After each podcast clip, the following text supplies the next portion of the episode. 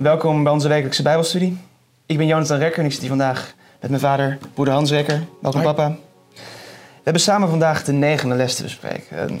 Zipporah en het bloedverbond. Een les waarin verschillende aspecten eh, terugkomen van ehm, het belang van het zorgvuldig uitleven van wat je kennis, waar je kennis over hebt over Gods wet en onze gehoorzaamheid daarin, ehm, tot bepaalde rituele reinigingsaspecten die terugkomen eigenlijk in de naam van Zipporah eh, en ook symbool staan voor onze reiniging van zonde.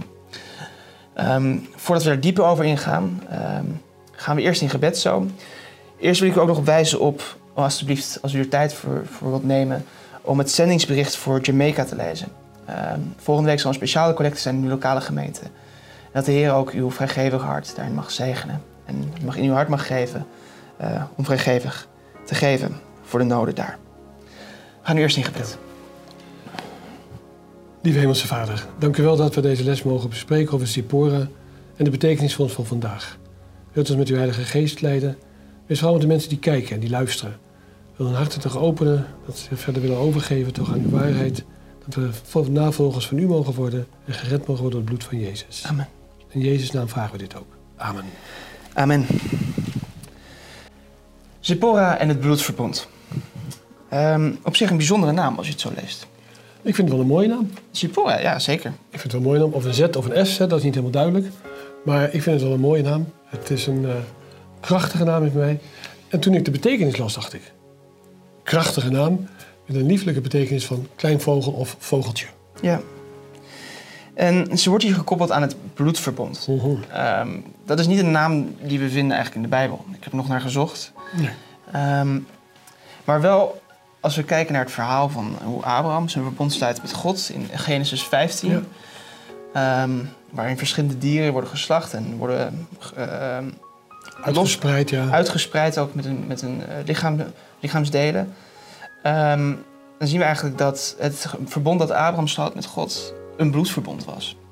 Want in die tijd was dat ook het hoogste, de hoogste belofte van dat je een verbond zou houden, was door dat met bloed te doen. Ja. We zien ook dat in, bij, in, bij de Sinaï, nadat het verbond was met, eh, Gesprenkeld gesloten Mozes, het met volk. Ja. ja, op diezelfde manier. Ja. Dus het bloedverbond waar het hier over gaat, eh staat ook aan op hoe Zipporah haar man zo meteen zal noemen. Bloedbruidegom. Mhm. Ehm, is dus het ver- verbond met Abraham. En, dat, eh, en een van de verplichtingen die daarin terugkomen is de besnijdenis. Ja. Ehm, we kunnen eigenlijk meteen naar de eerste vraag gaan. Mhm. Want ja, wie was Zipporah? Ja, Zipporah was eh, een dochter van Jethro, of Reuel, Ja. een andere naam. Eh, de hoeveelste dochter weet ik niet. Ik heb het echt gezocht of ze de eerste, tweede of derde was. Hij had meerdere dochters, maar ze was een dochter van Jethro. En ze woonde in Midian. Ja. Eh, dus zoals een Midianitische. Nou weten we, de Midianieten, komen het volk Israël, kregen ze juist ruzie mee. Sterker nog, eh, het, was al, loopt niet goed met de Midianieten af, maar Gideon, hij Nee. vernietigt het hele volk zelfs. Maar dit is ver daarvoor. Eh, en we weten dus dat ze een afstammeling is van Abraham omdat eh Midjan was de vierde zoon van Abraham en Ja. Ketura. Hij heeft nog zes zonen gekregen bij Ketura in zijn tweede huwelijk toen Sarah doodging. De andere kant van Zipporah is, is dat ze niet zo blank was als de Joden. Nou waren de Joden overigens ook, omdat ze de hele dag buiten liepen, ook niet wit. Nee, zeker niet. Want als jij en ik buiten komen, dan kleuren we ook. Maar zij was van nature, had ze wat donkere huid. Ja, en ook Sephardische Joden ook, hebben ook vaak een kleurtje. Het zijn, Ja. eh, over het algemeen hebben Joden die donkere huid. Maar hier wordt ze inderdaad, we hebben het in de vorige les ook gezien, eh, Mhm. met het verhaal van Mirjam. Ja. Ze wordt die Cushitische vrouw genoemd. Ze was niet uit Kush, ze Nee, was niet uit Ethiopië. Nee, want dat zijn echt donkere. Dat die dus, ehm, en ook eh zuster White schrijft ook in eh Bijbelcommentaar, bladzijde Mhm. 55. Sephora was niet zwart, maar was waarschijnlijk iets donkerder dan de Hebreeën. Ja, precies. Ehm, dus ze werd eigenlijk gediscrimineerd hier vanwege haar huidskleur. Kijk, en, en Mozes komt in aanraking met haar op zijn vlucht uit Egypte.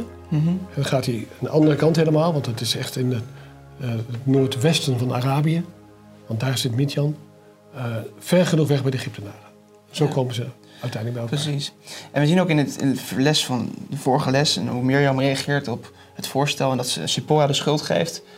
Haar dan noemt die Cushitische vrouw. Mhm. Dus die zou, eh, tegenwoordig zouden die zeggen die, die, die zwarte of die donkere vrouw. Ja, Dus het wordt, ze wordt hier echt als een, racistisch bejegend, zou je kunnen Ja, zeggen. maar dat is het tweede deel van de vraag ook. Hè. Dat gaat over Ja. discriminatie. toen ik het las, dacht ik, oké, dus dat is echt van, echt van alle tijden dus, hè? Ja, En dat is niet goed te praten. Dus het is echt dat we de neiging hebben om ons verhe- beter te voeden dan anderen om huidskleur. ja eh, om hoe om anders eruit zien. Ja. Eh, dat is natuurlijk het ding. Mensen die er anders uitzien dan de groep waarmee jij je associeert. De kant, als je dan je irriteert eraan, dan ga je dat tegen hen gebruiken. Ja. Dat geldt voor huidskleur, komt dat heel veel voor. Ehm, maar ook andere gelaatstrekken, zoals bijvoorbeeld hoe je ogen eruit zien. Eh, mensen met eh, Aziatische achtergrond worden vaak daarom gediscrimineerd. Of als je rood haar hebt en sproeten, is dat ook Ja. een reden voor sommige mensen om je dat...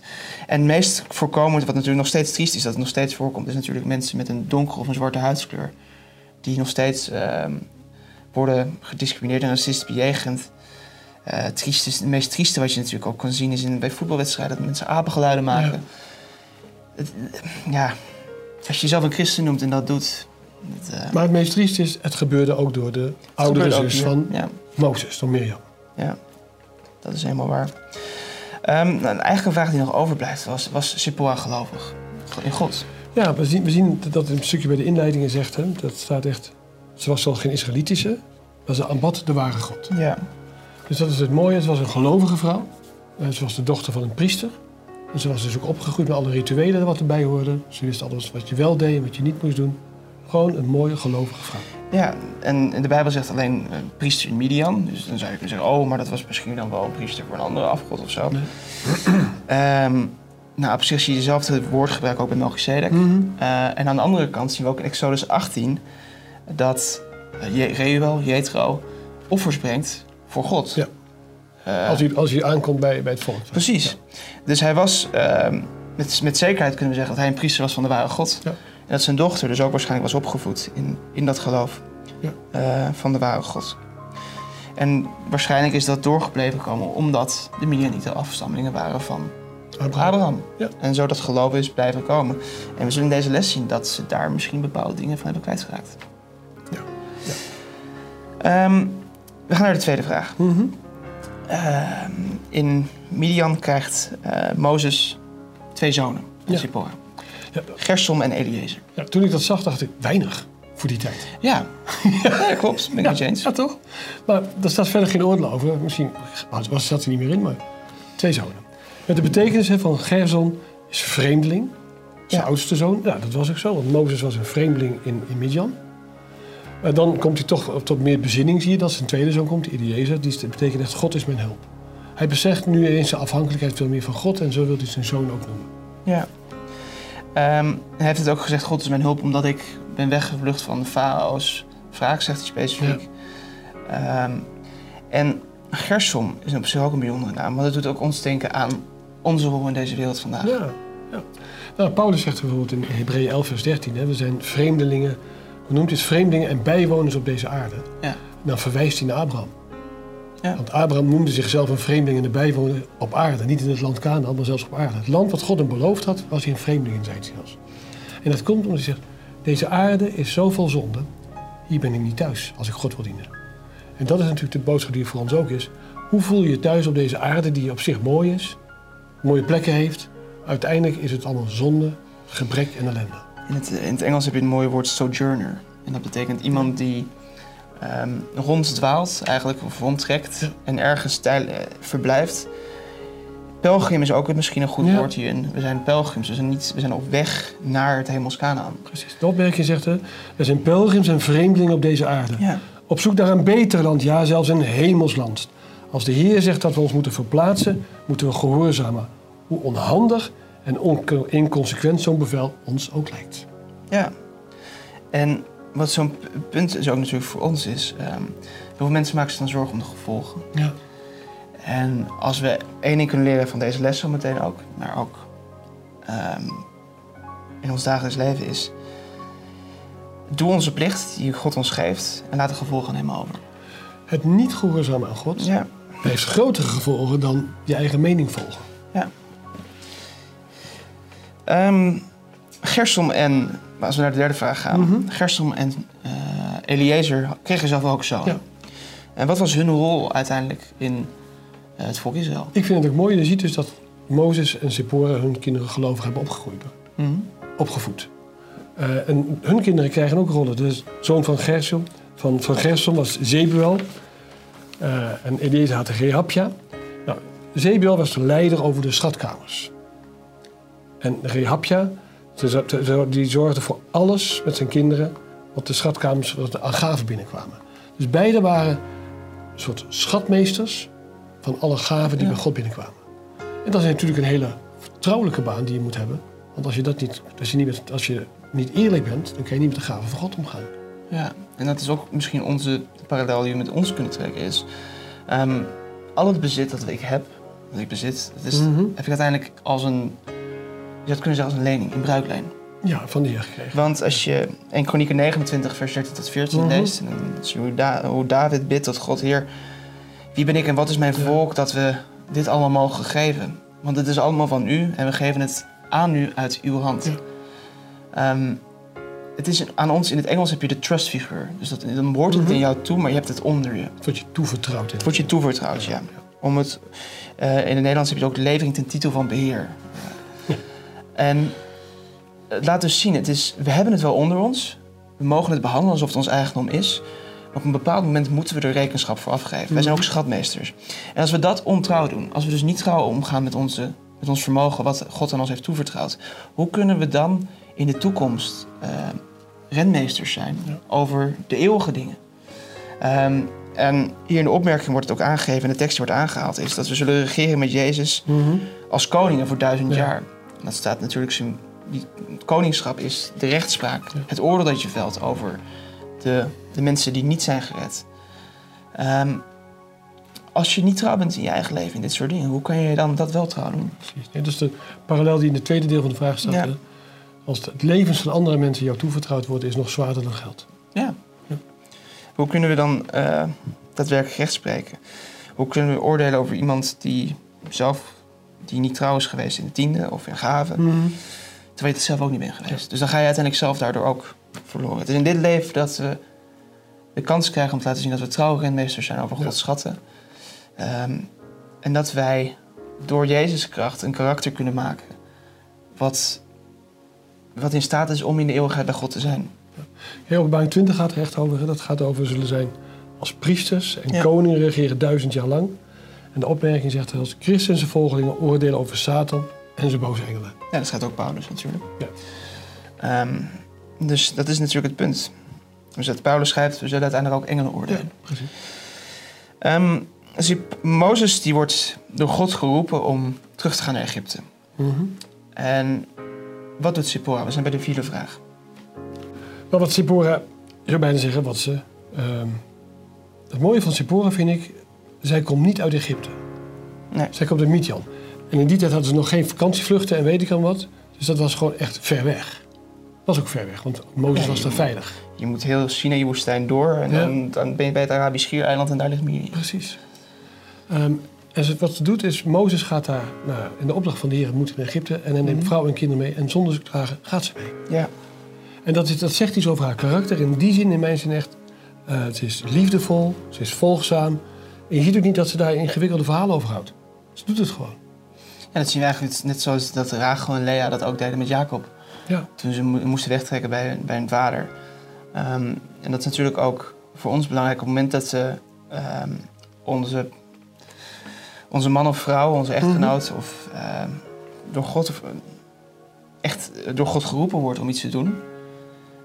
Eh, wat, hoe is onze reactie daarop dan? precies. Denken we dan alleen maar, ach, hoe wordt mijn leven hierdoor beïnvloed? Of denk ik van, oké, ik ben ervan overtuigd dat je door God bent geroepen om iets te gaan doen. Hoe kan ik jou helpen? Ja. Ehm, dat is belangrijk. Dat kunnen we denk ik van, ook van Sephora leven, Ja. leren. Als we niet het idee dat, eh, als wij niet door God geroepen worden, maar onze man of vrouw door God wordt geroepen om iets belangrijks te doen voor Gods zaak, hoe kunnen wij hem of haar dan ondersteunen? En in dit geval, Mozes was natuurlijk de leider van het volk. Ja, Zou die worden? To be, hè, was het nog niet, maar hij zou het worden. En dan is het belangrijk dat hij ook een vrouw heeft die in de, in de ware God gelooft. ja zeker. Eens. Ja. Ehm, als we doorgaan naar de vijfde vraag. Mhm. Ehm, de voorvraag die we eigenlijk kunnen stellen is: wat hadden Mozes en Zipporah nagelaten? We kunnen niet helemaal precies herleiden. We weten in ieder geval dat zijn jongste zoon Eliezer niet besneden hadden. Ja. En we zien uit de opmerking zometeen dat het op basis van het initiatief van Sephora was. Ja. Sephora En waarom dat was, weten we niet, dat kunnen we niet zien. Maar even mijn fantasie erbij is... Gerson was er blijkbaar wel besneden. En misschien is hij er ziek van geworden.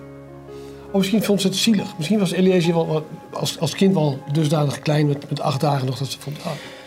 In ieder geval, zij heeft ervoor gezorgd dat hij niet besneden werd. Ja. En Mozes heeft zijn hoofd laten hangen en heeft daar, is daar akkoord mee gegaan. Uiteindelijk, ja. En we weten allemaal dat het uit het verbond van Abraham komt. Dat het een plicht was om iedere jongetje op de achtste dag te besnijden. En dat gold dus ook voor de nakomelingen met Keturah. Precies zo. Voor de Midianieten, Ismaël is ook besneden. Precies, daarom. Dus dat was allemaal de kinderen van Abraham. Dus dat, Dus dat gold voor alle kinderen met Abraham. het was inderdaad. Sephora niet onbekend wat er aan de hand was. Ja, de vraag is dus misschien is de besnijdenis in die tijd bij de Midianieten met, met het verloop van 400 jaar en langer is natuurlijk. ehm, Dat weten we niet, hè? Is het in vergetelheid geraakt? Dat kan. Maar Mozes heeft het wel bij Gersom gedaan, maar niet bij Eliezer. Nee. En wat was daar nou het gevolg van? Ze gingen dus op weg naar Ja. Egypte. Ze zijn nu op reis als gezin, zeg maar. Hè? Ja? Hoe oud die kinderen waren, weten we ook niet precies. Hè? Nee, het niet We weten één ding wel. Het, God grijpt hierin. Ja. En we gaan zo meteen uitleggen waarom dat is. En God grijpt in met een engel. En die engel is er heel helder over. Hè? Dat laten we met een opmerking lezen. Een engel verscheen hem op dreigende wijze, alsof hij hem onmiddellijk wilde vernietigen. Met andere woorden, hij stond daar met een zwaard waarschijnlijk om hem te doden. Ja, en, En die was niet alleen zichtbaar voor Mozes, maar ook voor Zippora. en Zipporah wist, zonder dat die engel wat zei, precies wat ze moest doen. En dat is, dacht, toen dacht ik, denk even ook voor je allemaal na. Als je iets verkeerd gedaan hebt. En het, het blijft in je hoofd zitten. Op dat moment knalt het door je hoofd heen. Dit is de oorzaak. Ja, En ze wist direct. Dit is de oorzaak. Omdat Eliezer niet besneden is. Als ik dat herstel, is het goed. Er staan geen lange gesprekken over, geen lange onderhandelingen over. Sephora doet het. Besnijdt haar zoon. ja. Legt die voorraad dan neer aan de voeten van, van, van Mozes en zegt: Hier mijn bloedbruidegom. Dat was ook een ritueel. Maar dat maakt niet uit. Daarmee voldaan aan de belofte die ze had moeten doen. ja en ze wordt bloedbruidegom natuurlijk ook genoemd vanwege de bloedige aard van wat, Ja. wat ze moest doen. Ehm inderdaad, zoals denk ik terecht opmerkt, het feit dat ze meteen wist wat ze moest doen, laat zien dat ze dus wist Ja. dat ze iets hadden nagelaten. Ja. Dat ze er niet onwetend over was. Ehm, en dat is ook een belangrijke waarschuwing voor ons. Als wij weten, kennis hebben, licht hebben ontvangen van God. En niet doen wat we moeten doen, of juist wel doen wat we niet moeten doen. Terwijl je Dan, het weet, hè? dan prikkelt dat ons geweten het best om meteen te handelen daarna. Ehm, wat was nou het gevaar dat erin lag als dat Mozes het niet had gedaan? Ook daar, daar geeft de, de opmerking een prachtig verhaal over. Nou, dat de bladzijde 60 bij mij. Tijdens zijn zending naar Farao bevond Mozes zich in groot gevaar. Zijn leven slechts kon gespaard worden door de bescherming van heilige engelen. Ja. Nou, dat logisch, want uiteindelijk met die tien plagen, hij wou hem iedere keer uit doodmaken. Gewoon, hij ging gewoon naar, de, naar het hof toe. Maar als hij tijdens zijn leven een hem bekende verplichting naliet, was hij niet veilig. Want dan konden Gods engelen hem niet bewaren. Precies. Nou, dat is de les die je ook net vertelde. Dus geldt voor ons denk ik ook. Als we weten wat we iets nalaten, wat, waar kennis en bewustzijn van hebben, dan moeten we niet verwachten dat God ons dan in alles verder gaat helpen. Dan moeten we niet verbaasd zijn dat ineens dingen niet meer lukken. Dat we geen succes meer hebben. Omdat we iets bewust nalaten. Of iets bewust verkeerd doen. Precies. En ehm, het gevaar was natuurlijk ook dat Mozes zou een leidende positie krijgen. Ja. En nou, eerder was het natuurlijk al dat een paar vluchtte die weg, omdat bekend werd dat hij had iemand op dood geslagen, een Egyptenaar. Mhm. En toen zeiden de Joden, wie ben jij? Eh, je hebt zelf iemand ook doodgeslagen, dus wie ben jij om dan tegen mij Ja. op te komen? Ehm, als bekend zou zijn dat Mozes had nagelaten om een van de grootste verplichtingen die op het Joodse volk rustte na te laten. Die lieten zien dat het volk gewijd was aan God. Dat was niet altijd best voor de reputatie van Mozes. De zeggingskracht is weg. En dus ook niet voor dat. En dat. dat die, ja, die smet op dat blazoen van Mozes zou ook op God afslaan. Precies. Want welke God gaat nou zo'n Ja. ongelovige man selecteren om leider te zijn? Het zou de roeping van Mozes sterker in twijfel brengen. We zien Ja. tijdens het 40 jaar in de woestijn dat dat meerdere keren in twijfel wordt Mhm. getrokken. Korach, de opstand. Ja. eh, en anderen. Dus als hij dit had nagelaten, als dit zo ver was gekomen, had het enorme consequenties kunnen hebben. En daarom dat God ook zo een engel laat zo op een dreiging manier laat verschijnen, laat ook zien van hoe erg het was dat dit was, niet was gebeurd. En dat het nog moest gebeuren. En dat geldt ook voor ons, als God ons laat zien dat we iets hebben nagelaten wat we wel wisten wat we moesten doen, dan is het, het is nooit te laat om terug te keren. Nee. Nee. Op het moment dat we denken, ik- moet dit nu aanpassen, doe het meteen. Maar het mooie vind ik dit geval, zij was de verantwoordelijke om Mozes er vanaf te houden. En zij als verantwoordelijke neemt de verantwoordelijkheid ook om het te herstellen. En dat getuigt iets ook over haar karakter. Ja. Als we naar de zesde vraag gaan. ehm, wat was het symbool van... Waar stond de besnijdenis nou symbool voor? We kunnen het heel mooi lezen in Romeinen 2 vers 29. Maar hij is Jood die in het verborgen is. Want je kan niet iets zien of iemand besneden is. Hè? Niet iemand loopt eh, met zijn geslachtsdelen openbaar rond. Het is het verborgene. Maar wat is ook verborgen? Dat is de besnijdenis die van het hart is. Naar de geest, niet naar de letter. Hè? Dus de, de, de, de- de Joden. Zijn lof is niet uit mensen, maar uit God. Ja. Dus niks mooier is als we een besneden hart hebben. Betekent dus dat we alles wat we weten, dat wat, wat goed is, dat we dat doen. Dat we bekeerd zijn. De besnijdenis van het hart is dat we bekeerd zijn. Dat we dus eh, de verkeerde dingen de rug toekeren en de goede dingen gaan doen. Ja, en dat, het is, de besnijdenis denk ik staat ook symbool voor... In, in het Oude Testament eh, voor de wijding aan God. Het liet zien dat dit een apart volk was. ehm, apart gezet van de rest van de wereld. Gewijd aan God om God te dienen, Gods wil te doen. Ehm, op diezelfde manier hebben wij ook nog zo'n ritueel wat wij doen. Ja. Om te laten zien dat wij aan God gewijd zijn. Ook wij sluiten een verbond nog steeds door de doop. Precies. Ehm, en ook dat de doop en de besnijdenis zijn allebei uiterlijke dingen die symbool staan voor iets innerlijks. Namelijk dat je gewijd bent aan God, dat je God wil dienen, dat je Gods wil wil doen en niet je eigen wil alleen. In Colossense 2 vers 12 staat het mooi. Door de besnijdenis van Christus, u bent immers met hem begraven in Ja. de doop, waarin u ook met hem bent opgewekt. Precies.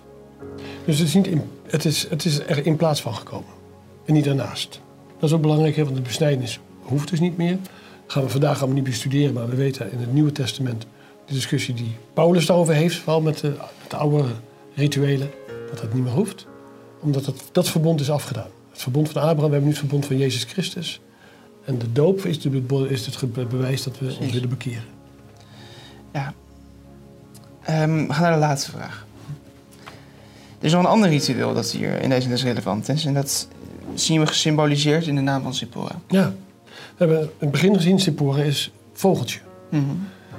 En als je nu naar het ritueel van melaatsheid kijkt. We weten, melaatsheid is natuurlijk gewoon een vreselijke ziekte. Ja.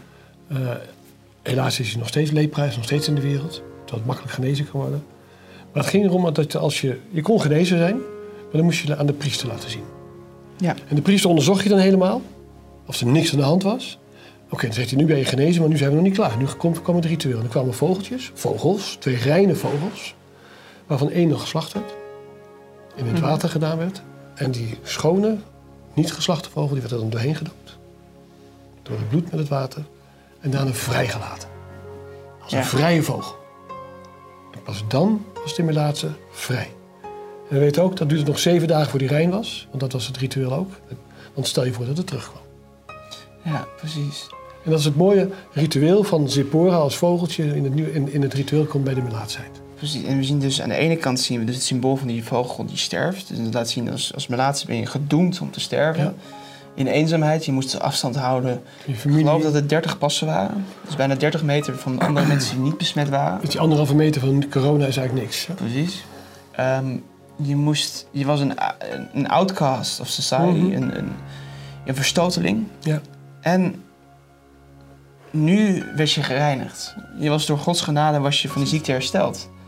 En dat zie, dat zie je, die bevrijding die wij ook ervaren, nog steeds in de zonde. De bevrijding van de zonde. ehm, dat zie je gesymboliseerd in het kleine vogeltje dat wordt losgelaten.